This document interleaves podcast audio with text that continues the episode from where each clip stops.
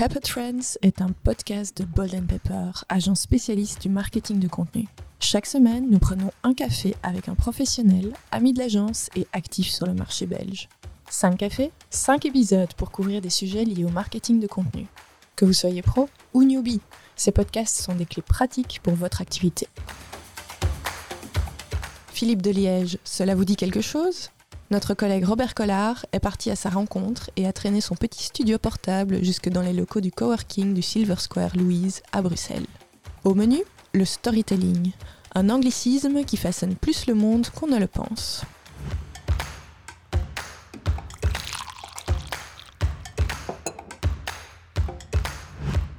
Bonjour Philippe de Liège. Bonjour Robert. Nous avons déjà passé en revue la notion de storytelling avec les ingrédients stratégiques à prendre en, compte, quelques ingrédients stratégiques. Euh, on va voir ensemble euh, les différents canaux aujourd'hui qui sont disponibles pour diffuser notre histoire, notre, notre storytelling. Alors quand on a tout en main, cible, message, objectif, etc., pour raconter notre histoire, où est-ce qu'on va euh, la, la rencontrer, Philippe de Liège je vais commencer par, euh, ben, par là où je suis peut-être le, plus compétent, c'est-à-dire sur les flux d'actualité des, réseaux sociaux. Et c'est vrai que moi j'aime beaucoup utiliser le storytelling euh, sur, euh, ben, sur les flux d'actualité de Facebook et principalement de LinkedIn, voire de Twitter. Et moi je compare ça souvent au format des séries TV. Et donc finalement, on a une histoire globale à raconter, comme le, format est de toute façon limité dans, les réseaux sociaux, soit en nombre de caractères, soit en, temps. Hein. donc euh, la, vidéo sur LinkedIn, on ne peut pas faire plus de 9 minutes. Donc après, on doit entrer un épisode dans, dans ce format-là, ou, ou 3000 caractères euh, pour l'écrit. Pour Et donc, donc après, c'est comme Colombo, quoi. Donc Colombo, vous n'allez pas savoir toute la vie de Colombo, mais quand vous tombez sur un épisode de Colombo, vous avez déjà suffisamment d'éléments pour comprendre. Et c'est bouclé. Et surtout, ben, vous n'allez pas savoir, vous n'êtes pas obligé de savoir ce qui passait dans l'épisode précédent, et vous en contrefoutez de ce qui va se passer après. Vous êtes content. Et donc c'est ce qu'il faut faire, enfin en tout cas moi c'est ce qu'on essaye de convaincre nos clients par rapport à ça, c'est avoir une éditoriale qui tienne la route, avec un objectif, on va y arriver progressivement, on va faire euh, assimiler un certain nombre d'éléments. Euh, mais voilà, chaque jour euh, sa peine. Et, au fur et à mesure, bah, si les gens suivent tous les épisodes, bah, ils seront complets. Mais s'ils ne suivent pas tous les épisodes, ils ne seront pas frustrés. Donc ils auront ce qu'ils voulaient ce jour-là. Soit ils ont une information, soit ça a été drôle, soit on leur a créé une émotion qu'ils désiraient. Quoi. Et donc c'est vrai que moi, mon, mon format préféré, mais bon, voilà, j'en ai fait mon métier, c'est les flux d'actualité sur les, réseaux sociaux. Vous auriez un exemple concret euh, de stratégie de storytelling où finalement la personne peut arriver pendant l'histoire, pendant le déroulement de, l'histoire et tout comprendre? Il y a quelqu'un qui le fait très bien. Mathieu, c'est facile à dire. Par contre, son, son nom, c'est compliqué. Euh, si vous le dites à la belge, c'est Will Bader, Will Haber. Mhm. Euh, si vous le dites à la française, c'est Villaber. Et en Suisse, je ne sais pas. et lui-même, quand il me le dit, il m'a déjà expliqué plusieurs fois, j'arrive pas à retenir. Euh, et lui, c'est quelqu'un en fait qui s'intéresse, enfin voilà, son, son, cœur de métier, c'est la rhétorique. Et donc, c'est vrai qu'il fait maintenant ce qu'on appelle des carousels et il explique, il définit des, mots compliqués de la rhétorique. C'est assez marrant, hein, parce que c'est une discipline où euh, c'est très simple, mais par contre, c'est illustré chaque fois par de je trouve plus un terme, mais tellement c'est compliqué. Mais chaque fois dans la rhétorique, c'est toujours des mots compliqués. Et donc il s'est fait un devoir finalement de vulgariser ce qu'il y a derrière cette euh, appellation qui est un peu nébuleuse. Quoi. Et donc à chaque fois, à chaque épisode, il vulgarise un seul élément, ce qui permet en fait ben, aux, gens de découvrir ses spécialités. En fait, Exactement, et, surtout il le met, il l'applique. Et donc il dit, ben voilà, c'est quoi? Et puis après il va le mettre en musique. Et c'est génial. Et à ce moment-là, les gens le savent le faire. Euh, ben voilà, par exemple, euh, ah, ce que Hollande a fait lors de son débat euh, avec Sarkozy lors de l'élection présidentielle. Moi, président, c'est ce qu'on appelle une anaphase. Moi, une anaphase, vous saviez ce que c'est qu'une phase aujourd'hui? Probablement pas. Mais par contre, vous connaissez la, cette mécanique et c'est souvent utilisé en fait, hein, aussi bien à l'écrit qu'au niveau oral.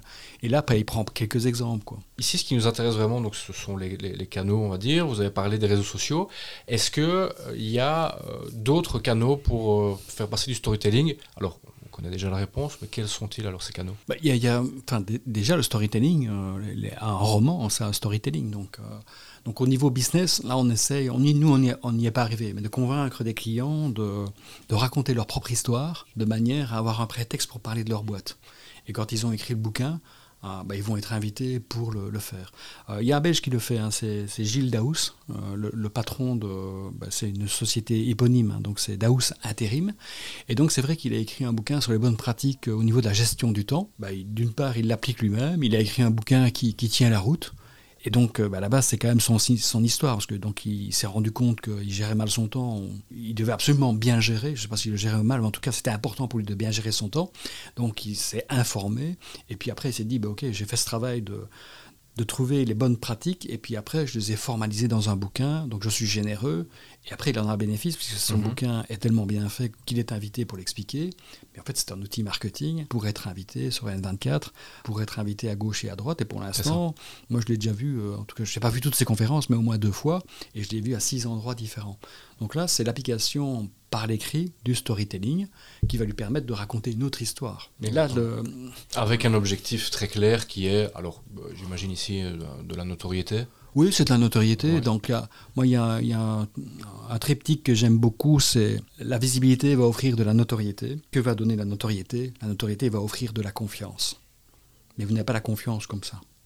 Donc, d'abord la visibilité, et là, il y a ça. Donc la notoriété, c'est basé en fait sur des, une chose qu'on a assez, on a découvert. Enfin, les, je sais pas comment on les appelle, ceux qui font la neuroscience ont détecté qu'il suffit de se rencontrer six fois pour euh, que je vous offre ma confiance par défaut. Donc même à l'ascenseur, ou à la machine à café, c'est une, deux fois. D'où la, la, puissance avec les réseaux sociaux. Ah, c'est de nouveau Philippe qui parle, donc trois fois. Et finalement, après sept contacts visuels, quels qu'ils soient, hein, par écrit, euh, par une photo, par une vidéo, la confiance, la confiance arrive. Au début, il faut de la visibilité. Donc après la visibilité offre de la notoriété. Je sais que ce monsieur s'appelle Philippe et qu'il s'appelle Philippe de Liège. Moi, je sais qu'il s'appelle Robert et qu'il fait des podcasts. Et puis après, la confiance. Parce que jusqu'à présent, il m'a rien fait de mal. Mhm. Il a toujours été gentil avec moi. Donc, euh, vous, vous parliez euh, à l'instant, euh, enfin vous évoquez la vidéo, euh, qui est un, différent format en fait pour raconter des histoires.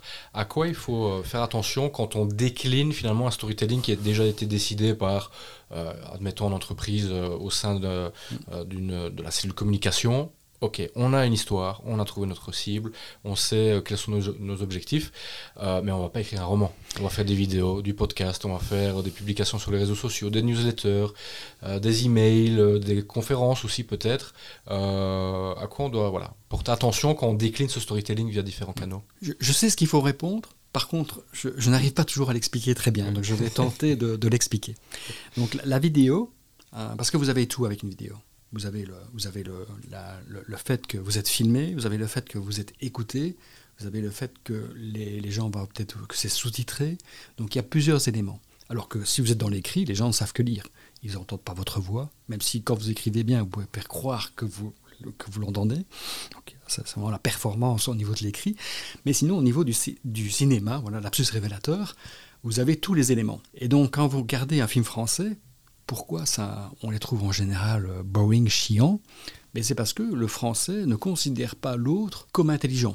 Je veux dire, c'est propre à la langue francophone. Quoi. Par défaut, il faut expliquer aux gens. Donc dans un film français, vous allez voir que le personnage Colombo entre dans la pièce. Il y a quelqu'un qui vous le dit, quoi, une voix off qui vous dit Colombo est entré dans la pièce. Ben, ok, vous avez compris quoi, il n'y a pas besoin de le dire.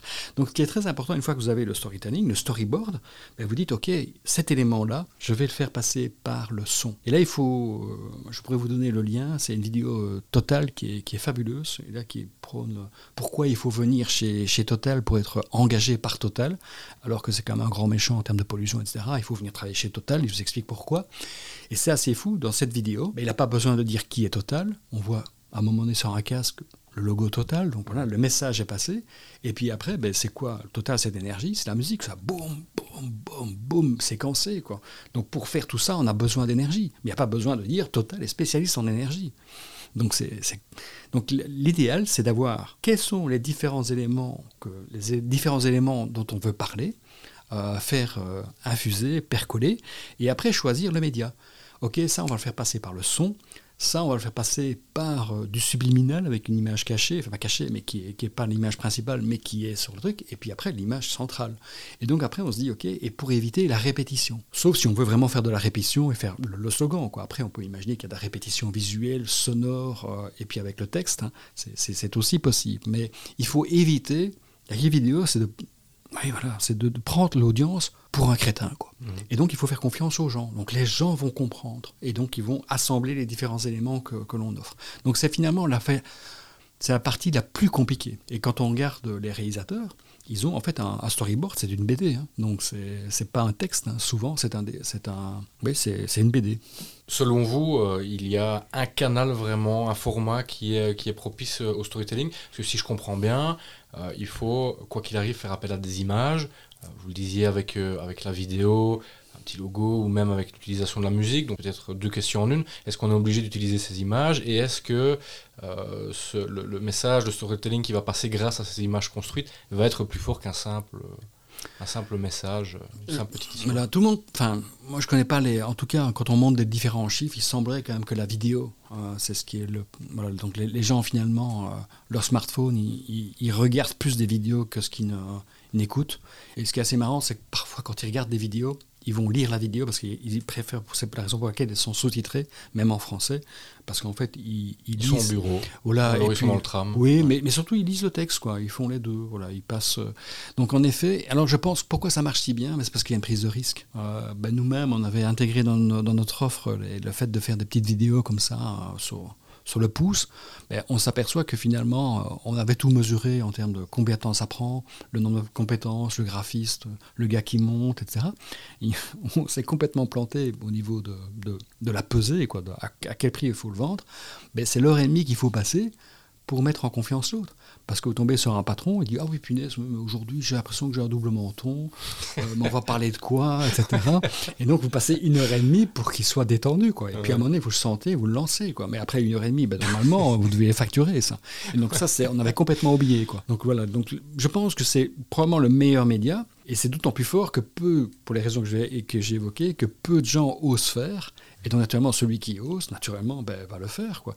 Mais il, faut oser.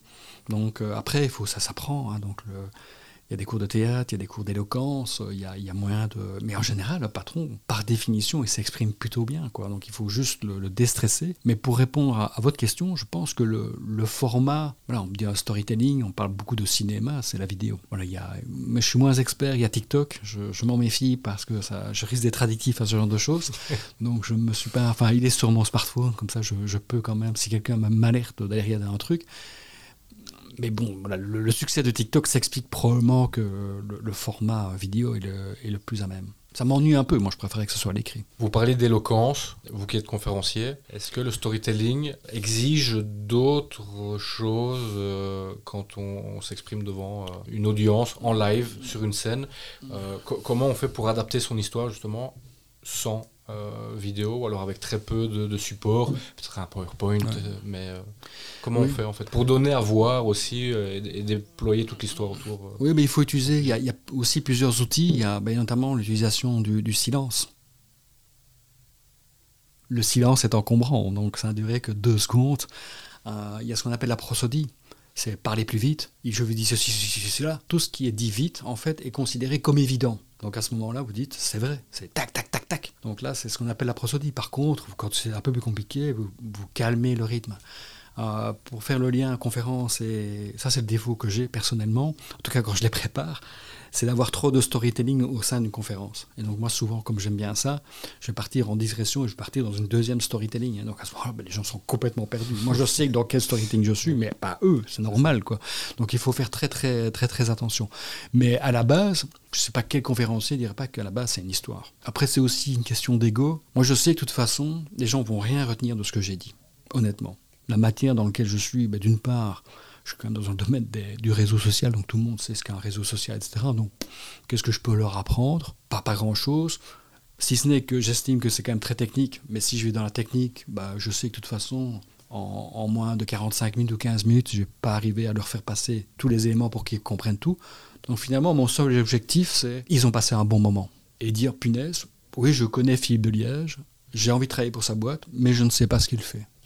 Et, moi-même, euh, enfin, je vois sur mes flux d'actualité qui sont beaucoup de textes et un peu de vidéos sur LinkedIn, quand je prends contact avec des gens de manière proactive, ils me disent un truc très surprenant. Hein. Ils me disent d'une part, tu fais bien de m'appeler, j'ai envie de te rencontrer. Donc déjà, ils me tutoient alors que je ne connais pas. Et ils, me disent, j'ai envie. Donc c'est assez dingue, je ne les dérange pas. Alors que c'est le premier call, c'est clair, mon objectif c'est de vendre. Donc j'ai envie de te rencontrer. Donc la première, il c'est un vendeur, il a envie de me rencontrer, il est chaud bouillant. Mais en plus, il me dit, d'autant plus que j'ai toujours pas compris ce que tu faisais. Mais c'est moi, c'est génial parce qu'en fait, le teasing est là et après, ben, je, à moi d'être faire performant lors, du rendez-vous. Quoi.